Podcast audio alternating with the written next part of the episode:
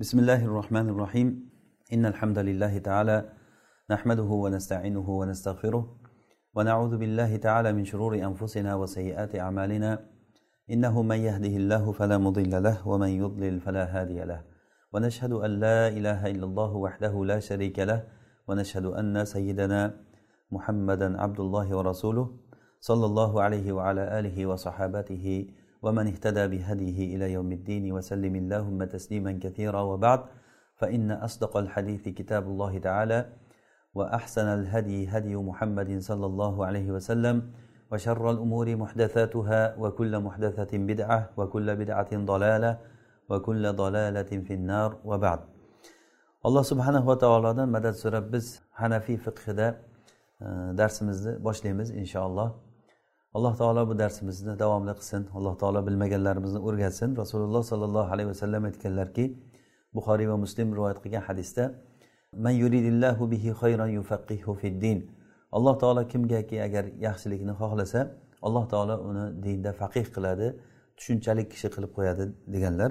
Alloh subhanava taolo hammamizni dinimizda faqihlardan tushunadigan kishilardan qilsin va qiladigan amalimizni xolis o'zi uchun o'zini roziligi uchun qiyomat kunida mahshargohda foyda beradigan bir amallardan qilsin. Avvalambor biz e, hanafiy mazhabni o'rganar ekanmiz. E, bu mazhab haqida ozroqgina bir suhbat qilib keyin kitobimizni darsimizni boshlaymiz inshaalloh. Mazhab boshilarini o'zi kimligini tanitishlik ularni masalan bo'lib ham ularni boshidagi imom abu hanifa e, rahimaullohni tanitishlikdan ko'ra mashhurroq kishi u kishi. Ya'ni negaki bu kishini butun dunyo taniydigan butun olam biladigan ulamolar butun dunyoda qanaqangi olim kishi bo'lsa hammasi inshaalloh bu kishini olimligini u kishini faqihligini imomligini imomatini tan olgan e, kishi bo'ladilar. E, Abu hanifa rahimaullohni mazhablarini e, asosan u kishini shogirdlari imom muhammad ibn hasan shaybaniy tarqatganlar ya'ni kitobda. Abu hanifa rahimaullohni o'zlaridan ta'lif bo'lib ya'ni kitob deyarli o'zi kitob u kishi bunday kitob yozmaganlar. Illo mana fiqi akbar kitoblari bor. U kishini fiqi akbar aqidadagi va musnadi abi hanifa e, hadis ilmida yozilgan musnadi abi hanifa kitoblari. Bu kishini e, bu kitobni nisbatida ham ba'zi bir gaplar bor. E, lekin u kishini ilmlari shogirdlaridan bizga rivoyat bo'lib qolgan. Hanafiy fiqhida birinchi kitob yozgan kishi abu yusuf al qodiy bo'ladi. Abu hanifa rahimaullohni eng katta shogirdlaridan abu yusuf al qodiy u kishi qodil qudot laqabi bilan mashhur bo'lgan ya'ni butun e, dunyodagi islom xilofatidagi hamma qozilarni bu kishi tayinlaganlar. Ya'ni qozilar ustidan qozi bo'lganlar. Lekin bu kishi ham ya'ni kichik kitoblar yozgan ya'ni qisqa o'rinlarda masalan u kishini haroj kitoblari va osor kitoblari bor va raddu ala siyaril avzai degan kitoblari bor. E, ya'ni mana shu bir deyarli juda kam kitob yozganlar. Abu yusuf rahimaulloh asosan e, hanafiy mazhabdagi kitoblar e, muhammad ibn hasan shaybaniy rahimaullohni ta'liflaridan tarqalgan. Ya'ni imom muhammadni e, kitoblari mashhur bo'lganlari bor. Mashhur ya'ni bu rivoyatlar abu hanifa rahimaullohdan masalalarni imom muhammad rivoyat qilgan. Bu mashhur rivoyat deyiladi. Buni zohir rivoya deydi. Ya'ni hanafiy mazhab nimasida istilohida buni zohir rivoya deyiladi. Bu kitoblar quyidagicha ya'ni jamiy sag'ir kitobi birinchisi. Jamiy sag'ir bu furularda yozilgan ya'ni dalillardan va tortishuvlardan munoqashalardan xoli ya'ni hech qanaqa uni ichida dalillar boshqalar yozilmaganda. Kichik hajmda kitob. Lekin kichik bo'lishiga qaramasdan bu hanafiy fiqhida bu muhim bir o'rinda turadigan kitob. Buni muhammad ibn hasan shaybani buni abu yusuf rahimaullohdan rivoyat qilgan abu yusuf e, rahimaulloh abu hanifa rahimaullohdan rivoyat qilgan masalalar ya'ni e, jami sag'ir kitobi. Ikkinchi jamiul kabir kitobi. E, bu jami sag'irdan ko'ra biroz kengroq ya'ni xuddi uslubi jami sag'irday lekin jami sag'irdan ko'ra biroz kengroq kitob keyin mabsud kitobi. Bu hanafiylarda kitabul asl deb ham aytilinadi. Masalan fiqh kitoblarini o'qigan paytimizda kamafil asl deb ketadi.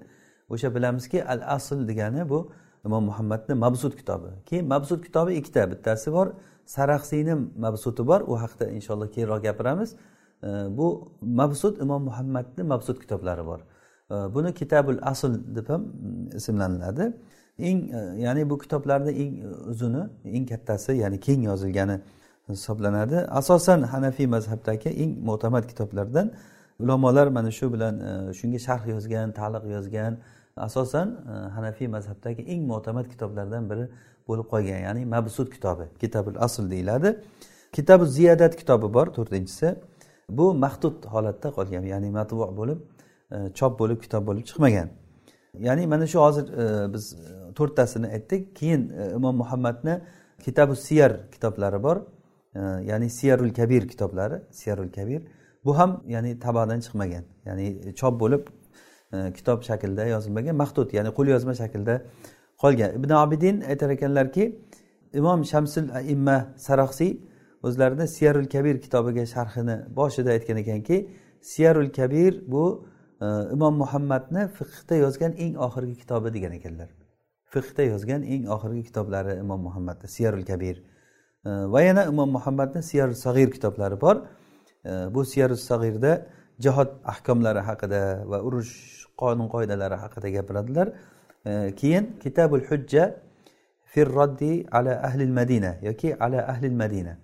E, ahli madinaga raddiya berishlikdagi hujjat kitobi deb kitob yozganlar. Bunda asosan e, ya'ni amal ahli madinaga deyilganda asosan u kishini raddiyalari imom molik rahimaullohga raddiya berib yozgan ekanlar. Keyin kitabul asor kitob bor lekin aslida bu kitob o'zi yuqorida aytganimiz kabi kitabul asor kitabul haroj bu abu yusuf rahimaullohni kitoblari bo'ladi. Mana bu hozir biz aytgan oltita kitob asosan e, shu aytganlarimiz e, bu zohiriy rivoya deyiladigan ya'ni biz e, zohiriy rivoya desa shuni tushunamizki o'sha oltita kitobda imom muhammad rahimaulloh buni abu hanifa rahimaullohdan naql qilgan masalalar hanafiy fiqhidagi eng asos bo'lgan narsalar shu shu oltita kitob. Keyin imom muhammadni boshqa bir kitoblari ham bor ya'ni hanafiylarda uncha ma'ruf bo'lmagan. Buni navodir deyiladi. Kama fin deb aytiladi masalan fiq o'qiganlarimizda kitoblarda fin navadir deb keladi. U bilingki e, imom muhammaddan naql qilingan lekin u mashhurlikda e, yuqorida aytilingan oltita kitobchalik e, emas. Shulardan masalan kitabul amali val mahorij fil hiyal kitoblari mahorij fil hiyal kitobi va kasb degan kitob al kasb va keyin muvatto kitob muvatto e, muhammad ibn hasan shaybani imom molikdan naql qilgan. Ya'ni imom molikdan muvatto kitobini e, naql qilganlar. Keyin al hakimu shahid muhammad ibn ahmad rahimaulloh bu kishi uch yuz o'ttiz to'rtinchi hijriy sanada vafot etganlar. Bu kishi mana shu e, imom muhammadni kitoblarini kitoblarini hammasini o'sha zohir rivoya masalalarini jamlab bitta kitobga jamlagan u kitabul kafiy deyiladi.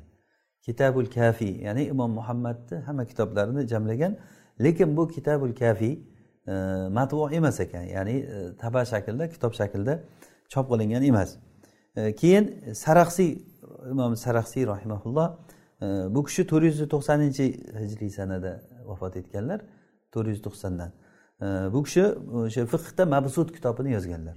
Mabsud kitobi mana shu hozir biz aytgan yuqorida aytgan kofiy degan kitobni juda ham oson va e, vodih bir iboralar bilan unda bir munoqashalar va boshqa nimalar e, dalil hujjatlar keltirib e, shu kitobni sharhlagan. Ya'ni saraxsiy kofiy degan kitobni sharhlagan. U kitobni ismi mabsud deb ismlaganlar. Bu ba'zi nimalarda o'n sakkiz mujallad o'n to'rt mujallad har xil nimalar tabalarda chiqqan. Ya'ni juda katta kitob. Demak o'zi asli hanafiy fiqhini kitoblari asosan imom muhammaddan naql qilingan zohir rivoya yuqorida biz aytib o'tgan oltita kitob bo'ladigan bo'lsa shu oltita kitobni al hakimu shahid muhammad ibn ahmad al marvaziy rahimaulloh e, bu kitoblarni hammasini kitabul kafiyda jamlagan. Kitabul kafiyni saroqsiy e, buni sharhlagan. Rivoyat qilinadiki qamoqda sharhlagan u kishi. Qamalgan holatida shuni sharhlagan haqiqatdan ham e, bu kitob juda katta hajmda bor hozir. Demak o'z o'zidan chiqadiki hanafiy fiqhidagi asosiy hamma narsani deyarli jamlagan kitob e, kitabul mabsud saraxsiyni mabsud kitobi bo'ladi desak ham bo'ladi. E, lekin qoyil qoladigan ya'ni odamni hayratga soldiradigan joyi shundaki qamoqda turgan holatda bu kitobni yozib o'sha rivoyatlarni shundoq keltirganki ulamolar hammasi qoyil qolishadi. Xuddi bir narsadan ko'chirganday yozilingan o'sha rivoyatlar naql qilingan egalariga aynan aynan o'sha gaplarni yozgan. Bu e, bu kishini ya'ni imom sarasiyni e, qanchalik darajada zehnlari va ilmda puxta ilm egallagan ekanliklariga dalolat qiladi. E, demak asosiy kitoblar shu muhim kitoblar. Keyin yana hanafiy fiqida mutaqaddimlardan imom tahoviyni kitoblari bor sharh maanil asar. Sharh maanil asar kitoblari. Bu asosan hanafiy mazhabdagi hujjatlarni himoya qilish ya'ni uni hujjatlarini ko'rsatishlik va ularni naqliy va aqliy dalillarni e, ko'rsatib berishlik. Ya'ni bunda juda katta bir e, hajmda bunda asarlar jamlangan. E, ya'ni kitobni ismi sharh maanil asar kitobi. Mutaahirlarni kitobidan eng mashhuri hoshiyat ibn abidin kitobi. Hoshiyat ibn abidin dimashqiy bu kishini kitoblari ya'ni hanafiy mazhabda eng mo'tamad fatvo kitoblaridan hisoblanadi. Asosan fatvolarda shu kitoblarga murojaat qilinadi. Ya'ni mutaaxirlardan hashiyat ibn abidin kitobi va yana yana mutaaxirlarda yala sunan kitobi taqiddin usmaniyni yala sunan kitobi juda katta bir hajmda o'n sakkiz mujallad qilib yozilingan ya'ni bunda deyarli e, hanafiy mazhabdagi masalalarni hammasini dalillari mana shu kitobda jamlangan. E, mana shu kitobda jamlangan yala sunan degan e, kitob. Demak asosan biz hanafiy fiqhini o'rganar ekanmiz bu nimada bizni oldimizdagi o'sha asosan yig'ilgan narsalar hammasi shu deyarli e, hozir biz aytgan masalalardan keladi. Ya'ni bu e, mazhabda juda ko'p kitoblar yozilingan sharhlar taliqlar. Asosan o'sha ya'ni mazhabni qayerdan kitoblarni qayerdan kelib chiqishligi shundan. Keyin ulamolar e, aytishadiki hanafiy mazhabdagi matnlar asosan to'rtta matn. Ba'zilar uni beshinchisini ham qo'shib qo'yishadi. Bular birinchisi majmaul bahroyn multaqon nayiroyn kitobi e, muzaffariddin ahmad ibn ali degan kishi u kishi ibn saatiy deb mashhur bo'lganlar. Bu birinchisi. Majmaul bahroyn ya'ni keyingisi kanzud daqoiq e, kanzud daqoiq bu e, imom nasafiyniki ya'ni e, abul barakat abdulloh ibn ahmad nasafiy bu ikkinchi matn. Uchinchisi viqoyatir rivoya. E, biz hozir o'qimoqchi bo'lgan muxtasarimiz mana shu viqoyatir rivoyani muxtasari. Э, viqoyatir rivoya o'zi matn kitob. Э, bu viqoyatir rivoya haqida inshaalloh keyin alohida o'zi haqida gapiramiz. Э, demak hozir uchta bo'ldi. Birinchisi majmaul bahrayn keyingisi kanzud daqoiq keyin viqoyatir rivoya keyin al muxtor lil fatva ya'ni ixtiyor kitobi. Va ba'zilar beshinchisi muxtasarul quduriyni ham e, shu muxtasarlarga qo'shishadi. E, ya'ni e, muxtasarul quduriyda jomi sag'irni e, masalalari imom muhammadni jomi sag'ir kitoblarini biz yuqorida aytdik va e, quduriyni muxtasarini ikkalasini ichidan e, burxoniddin marg'inoniy rahimaulloh masalalarni jamlab bidayatul mubtadiy degan kitob yozganlar. Ya'ni buni ya'ni adashib qolmaslik uchun tolib ilmlar bitta varaqqa kitob kitob bidayatul mubtadiy deb yozib qo'yilinsa yaxshi bo'ladi. Bidayatul mubtadiy kim yozgan ekan buni? Buni burxoniddin marg'inoniy rahimaulloh yozganlar. E, hidoya kitobini e, sohibi u kishi bidayatul mubtadiy keyin bidayatul mubtadi kitobini o'zlari sharhlaganlar shayxni o'zlari ya'ni burxonda marg'iloniy rahimaullohni o'zlari bu kitobni sharhlaganlar. E, sharhlab kitobni ismini hidoya. Hidoya deb ismlaganlar ya'ni bu hidoya nimani sharhi ekan? Bidayatul mubtadiyni sharhi. Bidayatul mubtadi kitobi imom muhammadni jomi sag'iri bilan quduriyni muxtasari ya'ni kitoblaridan xulosa qilib olingan bidayatul mubtadi keyin o'sha xulosani o'zlari yozgan kitobni matnni keyin e, yana sharhlab turib kitabul hidoya deganlar. Bu hidoya kitobi hanafiy fiqida yozilgan eng e, kitoblarni qaymog'i hisoblanadi. E, juda uslubi juda oson uslubda talillarni yaxshi keltirib yozgan ulamolar bu kitobga ko'p tahsinlar aytishgan kitabul hidoyaga keyin kitabul hidoyani kitabul hidoyani ya'ni uzun bo'lganligidan buni qisqartirib turib hozir biz e, o'qimoqchi bo'lgan muxtasar kitobimiz o'zi asli muxtasar kitobini oti kitabi niqoya ya'ni muxtasar viqoya kitobini oti. Hozir biz inshaalloh e, darsimizda e, muxtasar kitobini sharhlaymiz. Qo'limizdan kelgancha. Mana shu kitobni ismi kitabi niqoya bu kitob muxtasar viqoya kitobi viqoyatul rivoya degan kitobni nimasi? Muxtasari bu. Asli viqoyatul rivoya bu kitobni yozgan kishi toji sharia. Hozir biz o'qimoqchi bo'lgan kitobimizda e, ubaydulloh ibn masudni bobolari bobolari shu kishiga nevarasiga kitob yozib bergan hidoya masalalarini osonlashtirib turib yodlash uchun nevarasiga kitob yozib bergan e, kitobni ismi viqoyatul rivoya fi masailil hidoya hidoya masalalaridagi rivoyatni saqlash ya'ni viqoyati rivoya bu o'sha yuqorida biz aytgan to'rtta muhim matnni bittasi bo'lib qolgan. Hanafiy fiqida to'rtta matnni bittasi shu viqoyati rivoya matni. Buni kim yozgan ekan? Toji sharia yozgan. Toji sharia muxtasar kitobimizni muallifini bobolari bo'ladi. Muxtasarni muallifini ismlari bu ubaydulloh masud u kishini laqablari sodir sharia. Demak sodir sharia sodir shariani bobolari toji sharia.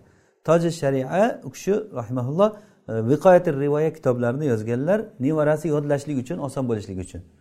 Keyin bu kitobni uzun matni uzun bo'lganligi biroz uzun bo'lganligi uchun e, nevaralari sodir shariani o'zlari bu kitobni muxtasar qilgan. Va muxtasar hozir bizni qo'limizdagi muxtasaril viqoya fi masailil hidaya bo'lib turib muxtasaril viqoya bo'ldi. Bu kitobni ismini nuqoya deb ismlagan. Demak ya'ni takror qilamiz. Men e, uzr men juda maydalab yuboryapman takror qilib esda qolishlik uchun. Chunki ko'p tolib ilmlar bu narsani aralashtirib qo'yadi. Biz hozir o'qimoqchi bo'lgan kitobimiz e, sodir shariani nuqoya kitobi ekan. Bu nuqoya kitobi viqoyati rivoya kitobini muxtasari ekan. Ya'ni biz muxtasar deb qo'yamiz o'zimizda muxtasar deb mashhur bo'lgan asli ismi nuqoya kitabi nuqoya. Kitabi nuqoya bu muxtasaril viqoya kitobini viqoya kitobini muxtasari. Viqoya qayerdan chiqqan ekan bu kitob? Viqoyati rivoya bu masailil hidoyani hidoya masalalarini qisqartmasi hidoya o'zi kitob bidayatul mubtadiyni sharhi burxonni marg'iloni yozganlar bidayatul mubtadiy bo'lsa imom muhammadni jami sag'ir bilan quduriyni э, o'sha muxtasaridan olingan kitob э, demak hozir bizni qo'limizdagi biz o'qimoqchi bo'lgan kitobimiz ubaydulloh masudni ya'ni bu kishi sodir sharia laqabi bilan mashhur bo'lgan bo'lganlar mana shu kitobni inshaalloh kitabi nuqoyani sharhlashlikni boshlaymiz inshaalloh muallif rahimaulloh hamda sanoni e, boshlashlikda boshlab aytdilarki qolal musannif rahimahullohu taala bismillahi rohmanir rohim alhamdulillahi rofi'i alami sharia al g'arro جاعلها شجرة أصلها ثابت وفرعها في السماء والصلاة والسلام على رسوله محمد أفضل الرسل والأنبياء وعلى آله وأصحابه نجوم الاقتداء والاهتداء وبعد خب بسم الله الرحمن الرحيم deb boshladilar va alhamdulillah deb boshladilar rasululloh sollallohu alayhi vasallamni hadislariga binoan rasululloh sollallohu alayhi vasallam aytganlarki kullu amrin zibalin la yubdau fihi bi bismillahi fahu aqta har qanday ishki agar e'tiborli ish bo'layotgan bo'lsa u ollohni ismi bilan boshlanmasa bu uzilingan ish bo'ladi ya'ni uni barakasi E, bo'lmaydi. Shuning uchun ham musannif rahimaulloh kitoblarini bismillahi rohmanir rohim deb boshladilar va qur'onda alloh taolo o'zini kitobini alhamdulillahi robbil alamin deb boshlaganligiga ergashib u kishi ham gaplarini boshidan alhamdulillahi deb boshladi. Alhamdu degani bu alloh subhanahu va taoloni ulug'lash yo'li bilan ollohni ulug'lab allohga chiroyli bir maqtov aytish degani ya'ni allohga hamd aytishlik alhamdulillahi rofi'i alami sharia. Shariatni shariatni e, bayroqlarini ko'taruvchisi shariat shariatul g'arro degani ya'ni pokiza. Ya'ni bu shariat ko'zga ko'ringan e, hammaga yarqroq bo'lgan bu shariatni bayroqlarini ko'taruvchisi. Alam deganda shariatni bayroqlari bu shariatdagi asosan usul fiq qavoidil fiqhiya kitoblari e, shariatni asosiy bu nimasi? Biz o'qiydigan ya'ni fiqh kitobida masalalarni fundamenti hisoblanadi ya'ni asosi hisoblanadi. Rofi alami sharia.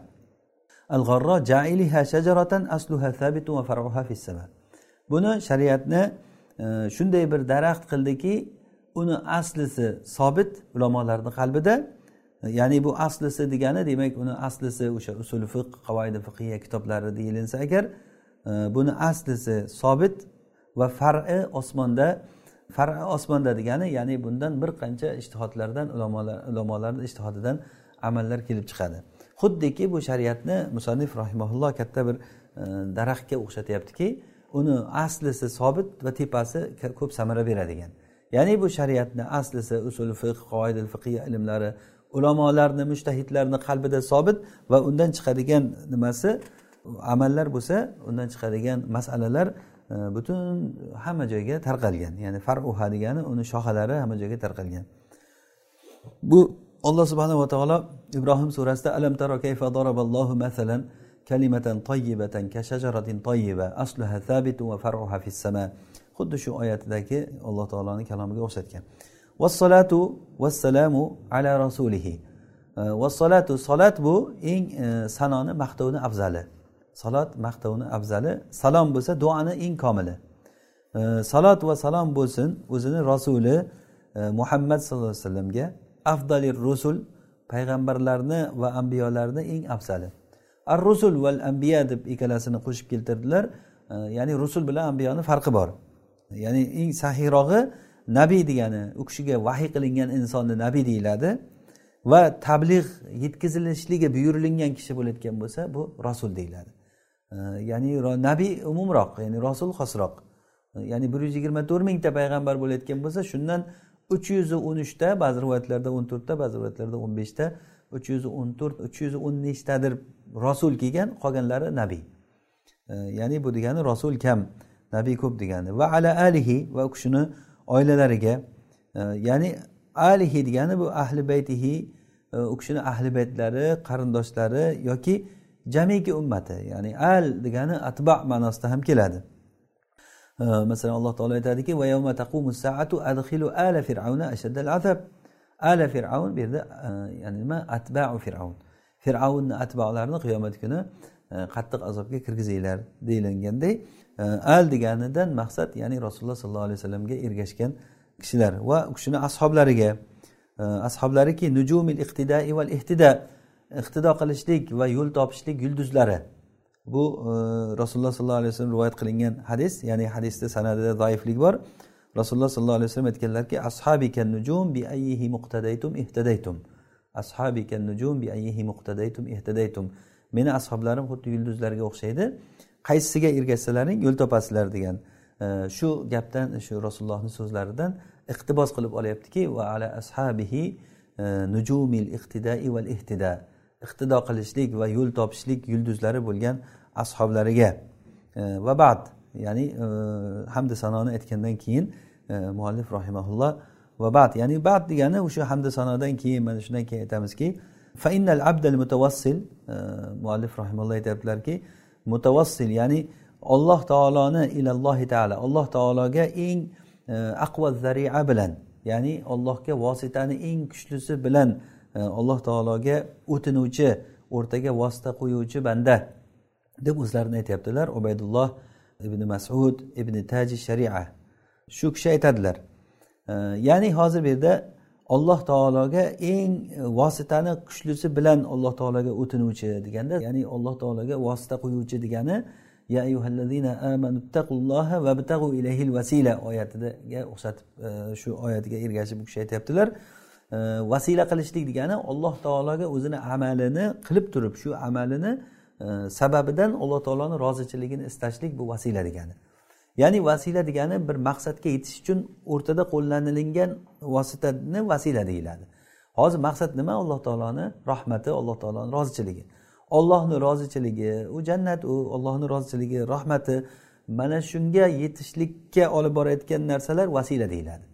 Shu vasilani eng kuchlisi ya'ni vasila navlarini eng kuchlisi bu taqvo. Shuning uchun ham alloh subhanava taolo aytadiki ya ya'ni iymon va taqvo. Ey iymon keltirganlar taqvo qilinglar. Va bitag'u ilayhil vasilata. Va allohga vasilani e, istanglar ya'ni alloh taoloni rozi qilayotgan yo'llariga harakat qilinglar degani. Demak e, shu kishi alloh taologa eng kuchli e, vasila bilan eng kuchli sabablar bilan alloh taologa vasila qiluvchi allohga muhtoj bo'lgan banda ubaydulloh ibn masud. Bu kishi muxtasar kitobini muallifi. Ibn taji sharia. Toji shariani o'g'illari. Bu kishi toji sharia demak bu kishini bobolari. Bu kishini o'zlarini laqablari sodir sharia. Toji saida saida degani ya'ni baxtli bo'lsin. Ya'ni saida degani e, ya'ni fathani e, aynni kasrasi bilan yoki ba'zi e, nimalarda suida deb ham kelgan. Alloh taolo aytgani kabi oyatda suidu ya'ni suidu e, deb o'qilinganiga o'xshash e, mana bu yerda ham saida deb ham o'qishligi mumkin e, suida deb ham o'qishligi mumkin. Ho'p. Va unjiha jidduhu u kishini ya'ni jidduhu degani ya'ni sayuhu. U kishini harakatlari foydali bo'lsin. Ya'ni harakatlari foydali bo'lsin. Bu kishi ya'ni duo qilib aytyaptilar yaqulu. U kishi aytadilar ya'ni o'zi aytadi lamma allafa jaddi. Meni bobom bobom ya'ni bobom deganda hozir otasini otalari. Ya'ni kim u kishi?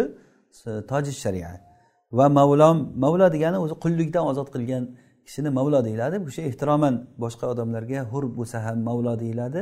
Ya'ni jaholat qulligidan ozod qilganligi e'tibori bilan. Al alimur robbaniy robboniy olim. Robboniy deganligi ibn abbos roziyallohu anhudan rivoyat qilinishicha robboniy degani e, alloh taolo qur'onda ya amanu kunu robbaniyin ey iymon keltirganlar rabboniy bo'ylar. Rabboniy bo'ylar deganligini tafsirida aytgan ekanlarki ular rabboniy kishilar o'zlarini shogirdlarini e, katta katta ilmlarda o'qitishlikdan oldin kichik ilmlar bilan tarbiyalab boradigan odamlar. Ya'ni ilmni kattasidan oldin kichigini o'rgatadigan kishilarni rabboniy odamlar deyiladi. Demak alimur robboniy degani ya'ni yaxshi tarbiya qiluvchi shogirdlarini yaxshi o'qitadigan yoki ba'zilar buni rob robboniy robga mansub bo'lgandan keyin ollohni vajhini istab e, rob nima desa shuni buyuradigan odam degani ya'ni amal qiladigan odam ma'nosida ishlatiladi. Ikkala ma'no ham sahih. E, Val amilu samadoniy amil degani amal qiluvchi. Samadoniy degani alloh taoloni somad ismiga mansub. E, ya'ni buni ham sharhida aytiladiki somat o'zi alloh taolo maqsud bo'lgan zot. Allohu somat mana qul huvallohu ahad. Allohu somat deganda demak amilu samadani degani faqatgina o'sha somat zotni qasd qiluvchi odam degani. Ollohni maqsad qiladigan e, olim kishi e, burhanu sharia shariatni hujjati ya'ni shariatni bilmoqchi bo'lsangiz odamlar haqiqatda ham u kishini bobolari katta olim kishi bo'lgan e, shu kishiga murojaat qilganlar va haq va shariatni burhoni hujjati va dinni ya'ni butun e, ya'ni din deganda butun e, ma'rifatlar u amallar hammasini jamlaydigan e, dinni va haqni va shariatni hujjati. Varisul ambiyai val mursalin. Ambiya va mursalinlarni merosxo'ri ya'ni u kishi olimlar o'zi payg'ambarlarni merosxo'ri. Rasululloh sollallohu alayhi vasallamdan hadisda keladiki al ulama varasatul ambiya va innal ambiya la yuvarisuna dinaron vala dirhaman. Eh, ulamolar dinor va dirham tashlab ketmagan balki ular ilm tashlab ketgan. Kim agar shu ilmni oladigan bo'lsa katta bir nasibani olgan bo'ladi dedilar. Eh, demak meni bobom mahmud ibn eh, mahmud ibn sadr sharia jazahullohu taala anni u kishi alloh taolo mendan u kishini mukofotlasin. Mahmud ibn sadr sharia shu kishi aytadilar ya'ni xayrol jaza eng men tarafimdan va musulmonlar tarafidan va ansairil muslimin boshqa musulmonlar tarafidan e, yaxshi mukofotlasin. Man ata ilaykum bima'rufin fakafiuhu degan hadisdan olib aytyaptilar. E, ya'ni kim sizlarga bir yaxshilikni e, olib kelsa yaxshilik qilsa e, uni mukofotlanglar agarda topolmasanglar mukofotlayotgan narsani unga e, duo qilinglar degan. Yoki kimgaki bir yaxshilik qilinsa uni yaxshi qilgan yaxshilik qilgan odamga jazakallohu xayron desa e, u maqtovda juda joyiga olib borgan bo'ladi degan hadisda e, o'shanday mendan va musulmonlar tarafidan yaxshilik bilan mukofotlasin. E, deb aytyaptilarki men yodlashligim uchun ya'ni ilmul fiqhni men yodlashligim uchun kitob viqoyatir rivoya kitobini ta'lif qildilar. Viqoyatir rivoyani ta'lif qildilar. Viqoyati rivoya demak bu kitob o'zi qayerdan e, chiqdi dedik. Viqoyati rivoya fi masailil hidoya. Burxoniddin marg'iloniyni rahimaullohni kitoblari hidoya.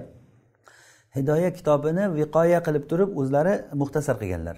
Nevarasi uchun nevarasi uchun muxtasar qilganlar. Va ya'ni bu kitob ya'ni va degani bu kitob kitabun lam taktahil aynu zamani bisanihi ya'ni zamonni ko'zi buni ikkinchisini ko'rmagan. Ya'ni taktahil deganligi buni ikkinchisi bilan ko'z surma qo'ymagan degani ko'z ko'rmagan degan ma'noda. Ya'ni bu yerda kinoya bir ma'no bo'lyapti. Zamonni ko'zi uni ikkinchisi bilan e, hech qanday surma qo'ymagan. Fi vijazati alfozihi e, lafzlarini juda qisqaligida. Maanihi va ma'nolarini kengligida. Ya'ni lafzi qisqa bo'lgani bilan lekin ma'nolari juda keng bo'lgan kitob. Lakin qasarat lekin bu e, nimadan? E, kitobdan himmatu aksari ahli zaman e, an hifzihi. O'sha zamondagi ko'p tolib ilmlarni himmati uni yodlashlikdan noqislik qilib qoldi. Ya'ni kitob biroz kengroq bo'lganligi uchun va himmatu aksar ahli zaman an hifzihi fattahoztu minhu hadal muxtasar. Bu muxtasarni men nima olyapman deyapti. Ya'ni bu muxtasar kitobini qayerdan oldilar? Viqoyatil rivoya kitobidan oldi. Shuning uchun ham muxtasaril viqoya deyilgan. Muxtasaril viqoya hozir biz o'qimoqchi bo'lgan kitobimiz demak ismi muxtasaril viqoya. Ismi nuqoya kitobi. Muxtasaril viqoya fi masailil hidaya. Demak muxtasar kitobini men e, oldim chiqardim. Mushtamilan ala ma la budda minhu. La budda minhu bo'lgan masalalarni o'z ichiga olgan holatida. Ya'ni e, meni yozgan bu muxtasarim viqoyati rivoya kitobida aytmasa bo'lmaydigan masalalarni ya'ni asosiy masalalarni olib turib bir muxtasar qildim. Faman ahabba endi kimda kim? Istihdora masail hidoya. Hidoya masalalarini hammasini ko'z oldiga keltirmoqchi bo'lsa shuni yodlab agar egallab puxta egallamoqchi bo'lsa faalayhi bihifzil viqoya. U viqoya kitobini ya'ni bobolarini kitobi viqoyati rivoya kitobini yodlasin. O'sha odam o'sha kitobni o'qisin. Vaman ajalahul vaqtu kimgaki endi vaqti yetmay qolsa falyasrif ila hifzi hadal muxtasar mana shu muxtasarni mana shu muxtasarni yodlashlikka ya'ni aynan al inaya e'tiborini jilovini shunga qaratsin. Ya'ni vaqtini shunga sarflasin. Innahu valiyul hidoya ya'ni innahu alloh taolo hidoyatni egasi o'zi. Innahu valiyul hidoya mana shu bilan muallif rahimaulloh hamdu sanoni aytib muqaddima qilganlaridan keyin kitabi tahoraga kirishdilar. Qolal musannif rahimaulloh musannif rahimaulloh aytadilar demak hozir men yana bir e, ozroqgina xulosa qilaylik. E, demak bizni qo'limizdagi hozir mana shu kitob ya'ni kitabi niqoya kitobi muxtasaril viqoya degan kitob. Muxtasaril viqoya o'zi viqoya kitobini muxtasari ekan. Viqoya kitobi viqoyatil rivoya fi masal hidoya bu e, muallifni bobolarini kitobi ekan. Muallifni bobolarini kitobi bu kitob hidoyani nimasi rivoya hidoya masalalaridan chiqarilgan bir muxtasar kitob ekan. U muxtasarni bu kishi keyin yana muxtasar qilib e, nuqoya kitobini hozir biz qo'limizdagi kitobda yozganlar. Keyin shu kishini sodir shariyani o'zlarini viqoyati rivoyaga sharhlari ham bor. Bu sharhli viqoya deyiladi. Bizni o'lkamizda bizni ulamolar o'rtasida qo'lma qo'l bo'lgan sharhil viqoya kitobi. Sharhil viqoya shu aynan shu kitobni viqoyati rivoya kitobini sharhi. Musannif rahimalloh aytadilarki kitabu tahora fardul vudu'i g'oslul vajhi min sha'ari ila al-uzuni va asfali dhaqani va yadayhi va rijlayhi ma'a mirfaqayhi va ka'bayhi va mashu rub'i ra'sihi va kulli ma yasturu al-basharata min lihyatihi tahorat kitobi o'zi kitob deganda masalalarni jamlaydigan narsa kitob deyiladi. Ya'ni bu hozir tahoratni bir qancha tahorat bor masalan tahorat qilishlik g'usul qilishlik va boshqa boshqa tahorat poklanishlikni turlarini tayammum ham tahoratga kiradi. Masalan bularni hamma masalalarni jamlaganligi uchun kitob deyiladi. O'zi kataba degani o'zi asli lug'atda jamlash ma'nosida keladi. O'sha uchun ham odamlarni jamlangan bir to'dasiga katiba deyiladi. Odamlarni bir to'dalangan jamlasiga katiba deyiladi. Kitob ham har xil masalalarni o'z ichiga jamlaganligi uchun kitob deyilingan ho'p kitobi tahora. Tahorat degani ya'ni tahorat jinsi. Bu yerda hozir faqatgina biz o'zbekchada aytadigan tahorat qil desa e, namoz uchun qilinadigan tahoratni tushunamiz. E, namoz uchun e, qilinadigan e, tahoratni tushunamiz. Lekin bu yerda hozir tahoratni jinsi aytilyapti buni ichiga g'usul ham tayammum ham hammasi kirib ketadi. Kitobi tahora deganda. Keyin shu tahoratni biri farz vuzu ya'ni vudu degani biz biz aytayotgan tahorat aynan. Ya'ni namoz uchun qilinadigan maxsus tahoratimiz bor. Qo'limizni yuvib yuzimizni yuvib oyoqni yuvib. Mana shuni arab tilida vudu deyiladi. Tahoratni farzi farzi farz deganda o'zi qat'iy dalillar bilan sobit bo'lgan va inkor qilgan odam dindan chiqadigan narsa istilohda farz deyiladi. Bu hanafiy fiqhida farz bilan vojib ajratilinadi farz qat'iy dalil bilan sobit bo'lgan narsaga aytilinadi hukmga. Vojib bo'lsa zonniy dalil bilan sobit bo'lgan e, hukmga vojib deyiladi. Demak tahoratni farzi yuzni yuvish yuzni yuvish. Yuz deganda o'zi asli arab tilida vajh degani al vajhu ma yutavajjahu bihi. Shunday bir qaragan paytda meni hozir shunday sizga qarab tursam meni yuzimdan qayerib ko'rinsa mana shu yuz deyiladi. Vajh deyiladi. O'sha uchun ham iyagni taki masalan bo'yin tomon yuzga kirmaydi. Shu demak bizga buyurilgan narsa yuzni yuvish buyurilyapti.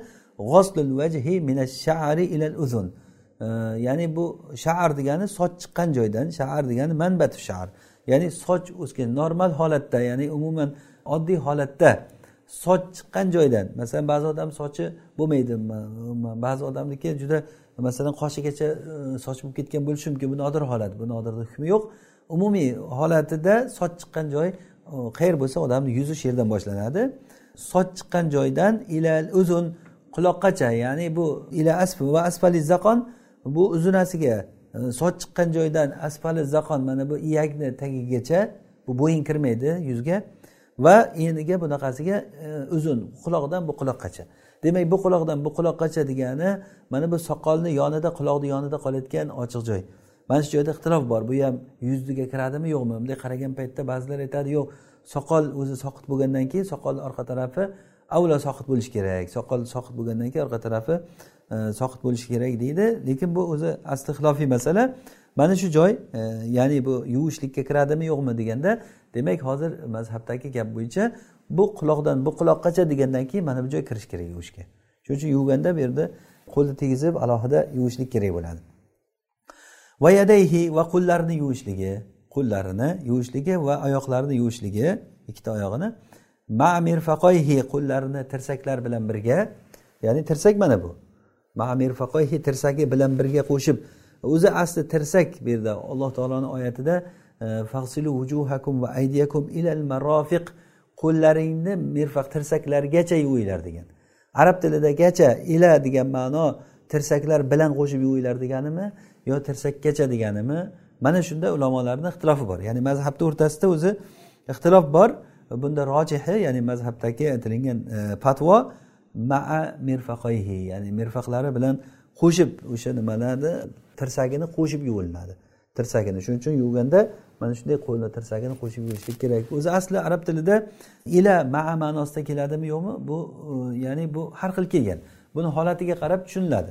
Shuning uchun ham ulamolar aytishadiki agar iladan keyingi narsa iladan oldingi narsani jinsidan bo'lsa u ham shuni ichiga kiradi.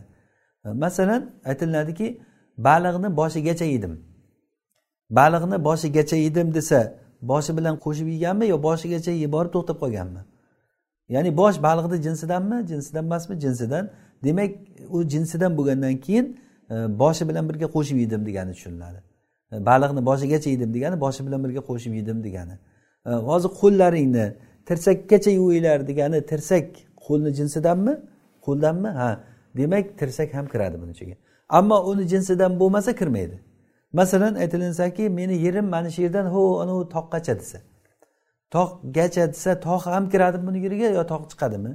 Tog' kirmaydi chunki tog' yer jinsidan boshqa. Ya'ni bu yer jinsi deganimiz hozir masalan u tushuntirayotgan ekin ekadigan yerdan tog' boshqa bo'lganligi uchun tog' bu nimaga kirmaydi. Demak ila e, zobiti shuki agar iladan keyingi narsa iladan oldingi narsani jinsidan bo'layotgan bo'lsa jinsidan bo'layotgan bo'lsa ya'ni buni arabchalab aytsak g'oya mug'ayyoni ichiga kiradimi yo'qmi agar mug'ayyoni jinsidan bo'layotgan bo'lsa kiradi jinsdan bo'lmayotgan bo'lsa kirmaydi. Hozir biz masalamizda bu jinsidan jinsidan bo'lgandan keyin bu kiradi. Allohu alam. Va kabayhi va oshiqlarini e, to'piqlarini to'piqlarini yuvishlik. To'piq oyoqni ikki yonidan o'sib chiqqan ikkita suyagi. Mana shu to'piqlari bilan birga qo'shib yuvishlik kerak. Va arjulakum ilal kabayn. Ilal kabayn ham oyoqlaringni to'piqlarigacha yuvinglar degani to'piqlari bilan birga qo'shib yuvinglar degani. Rasululloh sollallohu alayhi vasallam bir odamlarni shoshilib torat qilayotganda oyog'ini orqasida to'piqlari tomonida bir suv tegmay yaldirab e, oqarib ochiq joy qolganligini ko'rganda aytdilarki vaylul aqobi minan nar. E, to'piqlarga do'zaxdan vayl bo'lsin dedilar. Nar ya'ni to'piqlarga do'zaxdan vayl bo'lsin dedilar. Mana shundan e, tushuniladiki ya'ni to'piqlarni ham qo'shib yuvishlik kerak. Va yana e, oyatdagi ilal kabayn e, ya'ni ma ma'nosida tushunilib to'piqlarni yuvish kerak. Va mashu rubi rosihi va uchinchisi ya'ni birinchisi nima bo'ldi? Tohratni farzi. Tohrat yuzni yuvishlik nimasini aytdik? Qayerdan qayergacha yuvishlik kerakligini. Э, va yana tirsaklari bilan birga qo'shib ikkita qo'lini yuvishlik va ikkita oyog'ini to'piqlari bilan birga qo'shib yuvishligi va mashu rubi rosihi va boshini to'rtdan biriga mas tortishlik farzi bu. Ammo hamma boshini hamma joyiga mas tortishlik bu sunnat bu. O'zi boshni mas tortishlik masalasi ixtilofli masala. Imom shofiy rahimaulloh masx tortdi degan ism bo'lsa bo'ldi deb aytganlar. Ya'ni masx tortdi deb masalan qo'lni nam qo'lni shundoq boshga tegizib bir yurg'izsa E, bo'ldi o'sha mas tortgan hisoblanadi. Bo'ladi. Farzi shu deganlar. Imom molik rahimaulloh boshni hamma joyi degan. Ya'ni hamma joyga mas tortishlik farz bo'ladi deganlar. E, ya'ni rasululloh sollallohu alayhi vasallamni biz e, holatlariga qarasak torat qilishliklariga rasululloh sollallohu alayhi vasallam qo'llarini tiqib sallani tagidan qo'llarini tiqib mas tortdilarda keyin sallani ustidan mas tortdilar. Demak mana shundan tushuniladiki eng kamida rasululloh sollallohu alayhi vasallam ya'ni qilmasa bo'lmaydigan holatni bir marta bo'lsa ham ko'rsatib qo'yganlar mana bu qo'lni shundoq tiqqanda peshonalariga boshida aynan to'rtdan biriga mas tortgan bo'ladi. Allohu alam ya'ni masalada eng rojihi mana shu bo'lsa kerak allohu alam. Chunki rasululloh sollallohu alayhi vasallam bundan kamini qilmaganlar. Masalan imom shofiy rahimalloh aytgan gaplarni birorta bir rivoyati kelmaganki masalan qo'llarini namlab bir boshiga bunday qilib qo'yib mas tortgan bo'lganligi rasulullohdan sahobalardan hech bunaqa narsa kelmagan. Keyin imom molik hamma boshida hamma joyiga dedilar lekin rasululloh sollallohu alayhi vasallam peshonalariga mas tortib keyin sallani ustidan mas tortganliklari e, ya'ni bu hanafiy mazhabdagi qovulni kuchli ekanligini ko'rsatadi. Allohu alam. Va mashu rubi rosihi va kulli ma yasturul basharata min lihyatihi. Va e, yuzini to'sib turadigan tuklarni yuvishlik vojib bo'ladi deyilyapti hozir. Va kulli ma ya'ni e, bu kulli ma yasturuni atfi g'oslul vajhida vajhiga olib borsak agar yuvish vojib degani e, yoki va mashu rubi rosihi va mashu kulli ma yasturul basharata deyilinsa e, bu yuzni to'sib turadigan e, basharani nimani? Yuvishlik. Bundagi o'zi muxtor qavul mazhabda yuzni ham ustidan suv yurg'izishlik. Abu hanifa rahimaullohdan mana shu rivoyat kelgan. Ya'ni bu nima degani? Yuzni to'sib turgan soqol degandan mana hozir yuz odamni yuzi mana shu. Keyin buyog'i soqol. Masalan soqol iyakdan pastiga tushib ketgan joyi bu osilib tushgan soqol hisoblanadi. Mana shu iyakdan pastini osilib tushgan soqoldan pasti endi buni yuvishlik vojib emas bunda. Ya'ni bu imom molik va imom shofiyda uni ham yuvish kerak degan chunki yuzga kiradi bu. Bir kishi yuzini to'sib turgan soqolini o'rab turganda rasululloh sallallohu alayhi vasallam ehrom paytida ko'rib soqolingni ochgin chunki yuzdan degan ekanlar. O'sha uchun bu yuzga kiradi yuzlaringni yuvinglar deyaptimi soqolni usti bilan qo'shib yuvish kerak deb imom shofiy va molik aytgan ekanlar. Abu hanifa rahimulloh aytyaptilarki yo'q bu noto'g'ri bu. Chunki osilib turgan soqol bu yuzga kirmaydi. Yuz mana bu iyakdan tepasi yuzga kiradi lekin mana bu soqol yuzni to'sib qo'yganligi uchun bu yuzni hukmi bunga o'tadi endi.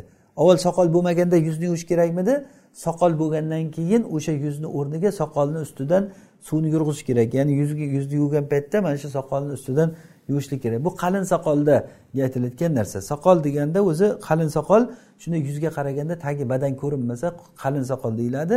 Agarda tagi ko'rinib turgan bo'lsa bu xafif bo'ladi uni yuvishlik vojib bo'ladi bil ittifoq. Ya'ni unda o'sha e, yuzini hamma joyiga yuvishlik kerak. O'zi asli soqol chiqqan kishini yuzi juda kichik bo'lib qoladi. Ya'ni ancha yarim e, qariyb yarmi o'zi buyog'i soqol bo'ladi. Demak mana shu soqolni usti bilan qo'shib suvni yurg'izishlik aytilinyapti. Ya'ni e, yuz deganda mana shu joy ya'ni soqol bilan qo'shib. Lekin ammo mana bu osilib ketgan joyi soqolniki bunga mas tortilinadi buni yuvishlik e, mazhabda vojib emas. Yuqorida aytganimiz kabi imom molik va imom shofiy rahimaullohlar buni yuvish kerak degan ekanlar. Ya'ni soqolni osilib turgan joyini ham. Vallohu alam. E, demak hozir mana shu tahoratni farzlari bo'ldi. Xulosa qilsak E, kitobi tahora fardul vudui g'oslul vajhi yuzni yuvishlik mina shari sochidan ya'ni matnga qarab turingizlar kitobga e, shari sochidan ilal uzun sochidan qulog'igacha mana bu e, va asfali zaqon buyog'igacha. Bunday aylantirib tushunyapti tushuntiryaptilarda. Shardan buyog'i quloqqacha va asfali zaqongacha e, mana shunday aylanasiga bo'ladi deganida bu. Mana shunday yuz bo'ladi mana qarang. Mana shunday ila zaqon bo'lsa demak yuz bo'ladi. Va yadayhi va rijlayhi va ikkita qo'lini va oyoqlarini qo'llarini mal mirfaqoyni tirsaklari bilan birga qo'shib yuvilinadi va oyoqlarini to'piqlari bilan birga qo'shib yuvadi va mashu rubi rosihi boshini to'rtdan biriga mas tortishlik farzi bu. Boshini to'rtdan biriga mas tortishlik va kullima yasturul basharata min lihyatihi va yuzini to'sib turgan soqoliga soqolini yuvish. Ya'ni buni aytish mumkin soqolini to'sib turgan E, nimaga mas tortishlik buni boshiga deb agar atf qilinsa ya'ni mashu rubi rosihi e, boshini to'rtdan biriga mas tortishlik va yuz mana shu joyiga mas tortishlik ya'ni mana shu joyiga qo'li tegish kerak. Mas tortish degani namlangan qo'l o'zi masx degani arab tilida imrorul yadil muballal ala udvin yusibu ma asaba va yuxtiu ma axtoa mas tortishlik degani tarifi shuki qo'l nam bo'lgan qo'lni a'zoni ustidan yurg'izish degani. Tekkan joyiga tegadi tegmagan joyiga tegmay qolaveradi e, agarda boshga mas tortishlik deyotgan bo'lsak boshga mas tortishlik va yuzni to'sib turgan mana bu e, soqoliga mas tortishlik ya'ni qo'lni namlab bunday e, yurg'izish bo'ladi degan. Agar uni yuvishlikka atf qilsak buni ham yuvish kerak bo'ladi. Ya'ni mana shunday mana shu joyini ustidan suv yurg'izishlik kerak bo'ladi. Ammo soqolni pasti bo'lsa uzun ba'zilardiki uzun soqol bo'ladi. Ya'ni o'sha soqoli uzun bo'lgan bo'lsa bunga e, buni ya'ni oralarini oralatishlik bu sunnat bu. Ammo farzi o'sha yuzga yuzni to'sib turgan joyini yuvishlik bo'ladi. Yuzni to'sib turgan joyini yuvishlik bo'ladi. Vallohu alam. Ho'p shu bilan demak e, tahoratni farzlarini e, hozir bir aytgan bo'ldik. Vaqtimiz ozroq bor ekan hali. Keyin masalalardan biri shuki masalalardan biri agarda masalan barmoqlar bir biriga qo'shilib qolgan bo'lsa masalan barmoqlar ochilmasa ba'zan ba'zi odamlarniki masalan qo'li sinib qolib masalan yo bir ochilmaydigan bo'lib qolgan bo'lsa qo'lni yuvgan paytda o'sha barmoqni orasiga suv kirishligini juda e'tibor bilan qaratish kerak. E, ya'ni bunday qo'l ochilmay qolgan bo'lsa masalan bir kasallik bo'lib boshqa bo'lib masalan yuvgan paytda qo'lini qilgan paytda barmoqlari ochilmay qolgan o'sha ochish kerak. Oyoqni barmoqlarini ham qo'lni barmoqlarini ham. Chunki agar bir zarracha joyi ham yuvilmay qolsa torati komil bo'lmaydi. E, va shunga o'xshash masalan qo'liga e, masalan lak qo'yilgan bo'lsa ayollarda masalan. Qo'liga lak qo'yilgan bo'lsa o'sha lak masalan tirnoqni qoplab qolgandan keyin uni tagiga suv yetmay qoladi. Tagiga suv yetmay qolib tohrati tohrat bo'lmaydi qo'llaringni yuvinglar degan alloh taoloni oyatiga amal qilmagan bo'lib qolamiz. O'sha uchun o'sha ayol qo'llariga lak qo'yilganda u lakni ketkazish kerak. Tohrat uchun e, lakni ketkazish kerak. Ammo xino bo'lsa masalan suvni to'smaydigan narsa bo'lsa u masalan masalan bir ranglar bo'lsa masalan sochni bo'yoqlariga o'xshagan bo'yoq bo'lsa u bir kraska bo'lib turib qoplab qolmaydida e, rangi chiqadi lekin u badan turaveradi. Masalan xinoni biz hammamiz yaxshi bilamiz buni. Agarda o'shanaqangi xinoga o'xshagan narsa bo'ladigan bo'lsa buni zarari yo'q inshaalloh. E, buni zarari yo'q. Ammo qo'lni to'sib qoladigan narsa bo'layotgan bo'lsa e, buni albatta ketkazish kerak. Xuddi shunga o'xshagan masalan bo'yoq kraskalar. Masalan ba'zi bir bo'yoqchilik bilan ishlayotgan kishilar bu narsaga e'tibor berish kerak. Agar suv yetishligini man qiladigan kraska qo'lga tushib qolsa uni tagiga suv yetmagandan keyin u tahorat komil bo'lmay qoladi. O'shanga e'tibor berishligimiz kerak bo'ladi. Ho'p keyin agarda masalan loy kesaklar yopishib qolgan bo'lsa ham e, masalan tirnoqlarini ularga xamir masalan mana xotinlar ko'pincha ayollar xamir qilganda masalan barmoqlarini nimalarida xamir qolgan bo'lsa e, tahoratda mana shu xamirlarni ketkizib tagiga suv yetkazishlik kerak.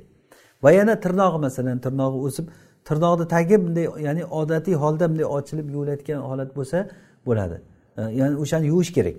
Albatta tirnoqlarni taglariga suv yetib borishlik kerak bo'ladi va yana uzuk taqqan bo'lsa qo'liga uzugi agar qisib turgan bo'lsa tagiga suv yetmaydigan darajada qisib qo'ygan bo'lsa uzugini qimirlatib tagiga suv yetkazib o'shani e, ya'ni ko'ngil xotirjam bo'lishlik kerakki yetib borgan ekanligiga. Bo'lmasa tahorati komil bo'lmay qoladi. Ho'p asosan farzidan e, biz aytmoqchi bo'lgan narsalar e, shu. Keyin o'sha yuzni yuvish degan masalada e, g'oslul vajhi deganda ozroq bir nima narsa aytamiz. Yuzni yuvish deganda g'osil degani o'zi suvni olib yuzga shunday yurg'izish degani. Suvni olib turib suvga yurg'izish. Ya'ni buni o'zi aslida urf bo'yicha yuvish deb nimaga aytilinsa shu. Yuzini yuvdi degani. Endi masalan hozir masalan oyna yuvayotgan narsa chiqqan pisilloq masalan pis pis pis qilib sepsada yuziga masalan shunday sepsada bunday bunday qilib qo'ysa yuzini yuvgan hisoblanadimi o'sha ham? Nima deymiz o'shanga? Masalan o'zlari javob beringizlar qani o'shani yuvish deyiladimi yo'qmi? Masalan men sizga bitta olmani bersam yuvib kelishim desam olmani olsangizdan keyin bitta e, ho'l mandilni olib turib bunday ho'l mandil bilan artib qo'limga bersangiz yuvgan hisoblanadimi? Yuvildi deyilmaydi u ammo bir pisilloqni olib turib turib pis pis pis deb sepsada keyin uni bir e, mendel mendil bilan artib bersa yuvdi deyiladimi? O'ylanib qolamiz. Ya'ni yuvdi deyiladimi yuvdi deyilmaydimi? Men bir kishini torat qilganligini ko'ruvdim haramda ya'ni uxladi. Uyqudan turdi. Takbir aytilingan paytda u yerda haramda chiqib torat qilib kelishlik bir masala o'zi e, juda qiyin. Tashqariga chiqib torat qilib kelishlik. U haligi pisillog'i bor ekan qo'lida shunday oldidan keyin pis pis pis betiga sepib e, qo'llariga ham pisillab sepdi. Bir tomchi suv oqqan yo'q pastga oyoqlariga ham shunday qildi. O'sha joyida torat qilib oldi. O'ylanib qoldim. Endi uni torati torat bo'ldimi? Yo'qmi? Shu o'sha ya'ni bu ya'ni buni javobini men eshituvchilarga sizlarga tashlayman. Shu g'osil deyiladimi yo'qmi? Yuvish deyiladimi yuvish deyilmaydimi? O'sha pisillatib nima qilsa. Ko'pincha fiqhiy masalalarda hali bizni oldimizda ko'p masalalar keladi inshaalloh. Urf bo'yicha nima qanday aytilinadi masalan g'oslul vajhi deyapti hozir oyatda masalan. Yoki farzida fag'silu ujuhakum oyatda aytyaptiki fag'silu ujuhakum yuzlaringni yuvinglar. Ig'silu deganiga lug'atda qanday tushunamiz? Ig'silu degani. Ig'sil degan masalan suv oqib turibdi. Oqib turgan suvga qo'limni bunday bunday tiqib olsam masalan yuvgan hisoblanamanmi yo albatta dalik qilib turib ishqash kerakmi ya'ni albatta ba'zi fuqarolar aytishganki ishqash shart degan. Agarda e, ishqamasa u g'asl bo'lmaydi yuvilgan yuvgan hisoblanmaydi masalan anhorga qo'limni tiqib tiqib olsam qo'limni kirgizib oldim yuvgan hisoblanamanmi urf bo'yicha qanday tushunamiz shuni? Urf buni buni yechimi urf bo'yicha bo'ladi. Urfda shu yuvdi deydi. Masalan oyog'imni masalan anhordan torat qilayotgandim oyog'imni anhorga tiqib chayib chayib chayib oldim. Yuvgan hisoblanamanmi shunda? Yo albatta qo'lim bilan ishqalashlik kerak. Ishqalasa endi gapi yo'q. Yaxshi ishqalamasachi tohrati torat bo'ladimi yo'qmi? Buni ham javobi o'zlaringizga. Ya'ni buni urf bo'yicha yechilinadi urf bo'yicha shu e, bunday e, lug'atni tushungan odam yuvdi deydimi shuni? Qo'lini anhorga chiqsa nima qilyapti anavi desa qo'lini yuvyapti deydimi ko'rgan odam? E, demak o'sha e, yechim bo'ladi biz uchun. Allohu alam. Tohratni sunnatlariga kelib qoldik. E, ya'ni hali bizda besh daqiqa vaqtimiz bor ekan. Inshaalloh alloh imkon bergancha aytaveramiz inshaalloh. Bu ya'ni mavzu mavzu qilib aytishligimiz menimcha shart emas chunki oldimizda katta bir masofa bor. Keyin bo'lib ham bu kitobimiz muxtasar kitob. Muxtasar bo'lgandan keyin ya'ni qisqaroq qisqaroq qilib turib asosan o'tyapmiz hozir. Inshaalloh keyingi alloh nasib qilsa keyingi kitoblarimizda yana ham bir kengroq bir sharhlashlikka harakat qilamiz. Hozir bu qo'limizdagi kitob muxtasar bo'lganligidan asosiy ma'nolarini aytib ketaveramiz. Muallif rahimalloh aytadilarki sunanul vudu tohratni sunnatlari. Qolal al musannif rahimahulloh va sunanuhu al bidaatu yoki al budaatu bit tasmiyati va bi g'osli yadayhi ila rusug'ayhi thalathan va sivaki va g'oslu famihi bi miyahin ka anfihi وتخليل اللحية والأصابع وتثليث الغسل ومسح كل الرأس مرة والأذنين بمائه والنية والترتيب والولاء mana bu narsalar o'sha tahoratni sunnatlari ho'p musanif rahimulloh aytdilarki va sunanuhu sunnatlari sunnatu degani sunnat o'zi tariqul masluka degani tariqul masluka ya'ni dinda e, rasululloh sollallohu alayhi vasallamdan bizga qolgan amal bo'lib qolgan meros bo'lib qolgan ish bu dindagi ishlar o'sha sunan deyiladi. Sunanlar deyiladi. Hozir fuqaholarni sunani bilan bu aqida ilmidagi kishilarni sunnasini farqi bor. Aqida ilmida sunna degani e'tiqod ma'nosi ya'ni ba'zi ulamolar butun dinni sunna deydi. Masalan shuning uchun ham aqidada kitob yozgan kishilar masalan ibn abil osimni sunna kitobi yoki e, barbahoriyni sunna kitobi sharhi sunna usuli sunna kitobi imom ahmadni usuli sunna kitoblari o'g'illari e, abdulloh ibn ahmadni sunna kitoblari sunna deb aytganliklari aqidada yozgan o'zi sunna deb aqidada aytgan bu aqida ulamolari. Ammo fiqhdagi sunnat degani fiqhdagi sunnat deganda u farzdan farzdan keyingi martabada turayotgan ya'ni ahkomlar hanafiy fiqhida ahkomlar beshta. E, birinchisi farz keyin vojib keyin sunna. E, farz vojib sunnat. Sunnat o'zi muakkada sunnati muakkada bor g'oyri muakkada bor. Keyin makruh bor makruhi tahrimiy bor tanzihiy bor. Undan keyin muboh. Demak hanafiy e, fiqida ahkomlar yettita bo'ladi. Jumhurda ahkomlar beshta. Ular farz bilan vojibni ajratmaydi e, va makruhni e, makruhni tahrimiy va tanzihiyga ajratishmaydi. Ya'ni vojib sunnat ya'ni vojib va sunnat va makruh va keyin muboh. Mana shu beshta ahkami taklifiyani aytishadi. Harom keyin harom. Hanafiy fiqida bu yettita. Ya'ni farz vojib harom mandub makruh va muboh makruh ham ikkita makruh tahrimiy va tanzihiyga bo'linadi. Demak hozir sunnati deganda e, biz e, mana shuni nazarda tutamiz. Ya'ni farzdan keyingisi degani. Sunnati degani bu qat'iy dalil bilan sobit bo'lmagan e, buni qilmasa amal qabul bo'lmaydi deyilmaydi. Qilsa komil bo'ladi. Ya'ni hozir biz aytgan sunnatlarni qilinsa agar tohirati komil bo'ladi agar qilinmaydigan bo'lsa tohrati noqis bo'ladi lekin tohrati tohirat bo'laveradi. Asosan tohiratni tohirat bo'lishligini sharti biz aytgan yuqorida aytgan farzlarni bajarishlik kerak. Va sunanuhu al bidaatu yoki al budaatu ikki xil o'qishligimiz ham mumkin. Boshlash degani ya'ni tohratni sunnatlari tohratni tasmiya bilan boshlashlik ya'ni bismillah bilan boshlashlik bu sunnatga kiradi. Ya'ni ba'zi ulamolar bismillah bilan shuni boshlashlikni farz deganlar ya'ni vojib deganlar. Ya'ni bismillahni aytmagan la solata liman la vudu alahu va la vudu liman lam yazkur ismallohi alayhi e, degan hadisni dalil qilishgan. Ya'ni e, yo'q odamni namozi qabul bo'lmaydi bismillah demagan odamni tahorati toratmas degandaki la solata la vudua degan gap arab tilida ikki xil ma'noni beradi. Ya'ni la bu yerda nafyu siha val javazmi yoki nafyul kamalmi? Ikki xil ehtimoli bor. Xuddiki hadisda aytilgani kabi la solata li jaril masjid illa fil masjid. masjidni qo'shnisigini namozi faqat masjidda qabul bo'ladi masjiddan boshqa yerda masjidni qo'shnisini namozi qabul bo'lmaydi degani vallohu alam e, demak vaqtimiz o'zi bo'lib qoldi inshaalloh alloh subhanava taolo e, nasib qilgan bo'lsa inshaalloh ertangi darsimizda shu kelgan joydan davom ettiramiz alloh taolo o'zi bilmaganlarimizni o'rgatsin o'rganganlarimizga amal qilishlikka o'zi tavfiq bersin alloh taolo darslarimizni davom qilsin أقول قولي هذا وأستغفر الله لي ولكم واستغفروه إنه هو الغفور الرحيم. سبحانك اللهم وبحمدك نشهد أن لا إله إلا أنت نستغفرك ونتوب إليك. والسلام عليكم ورحمة الله وبركاته.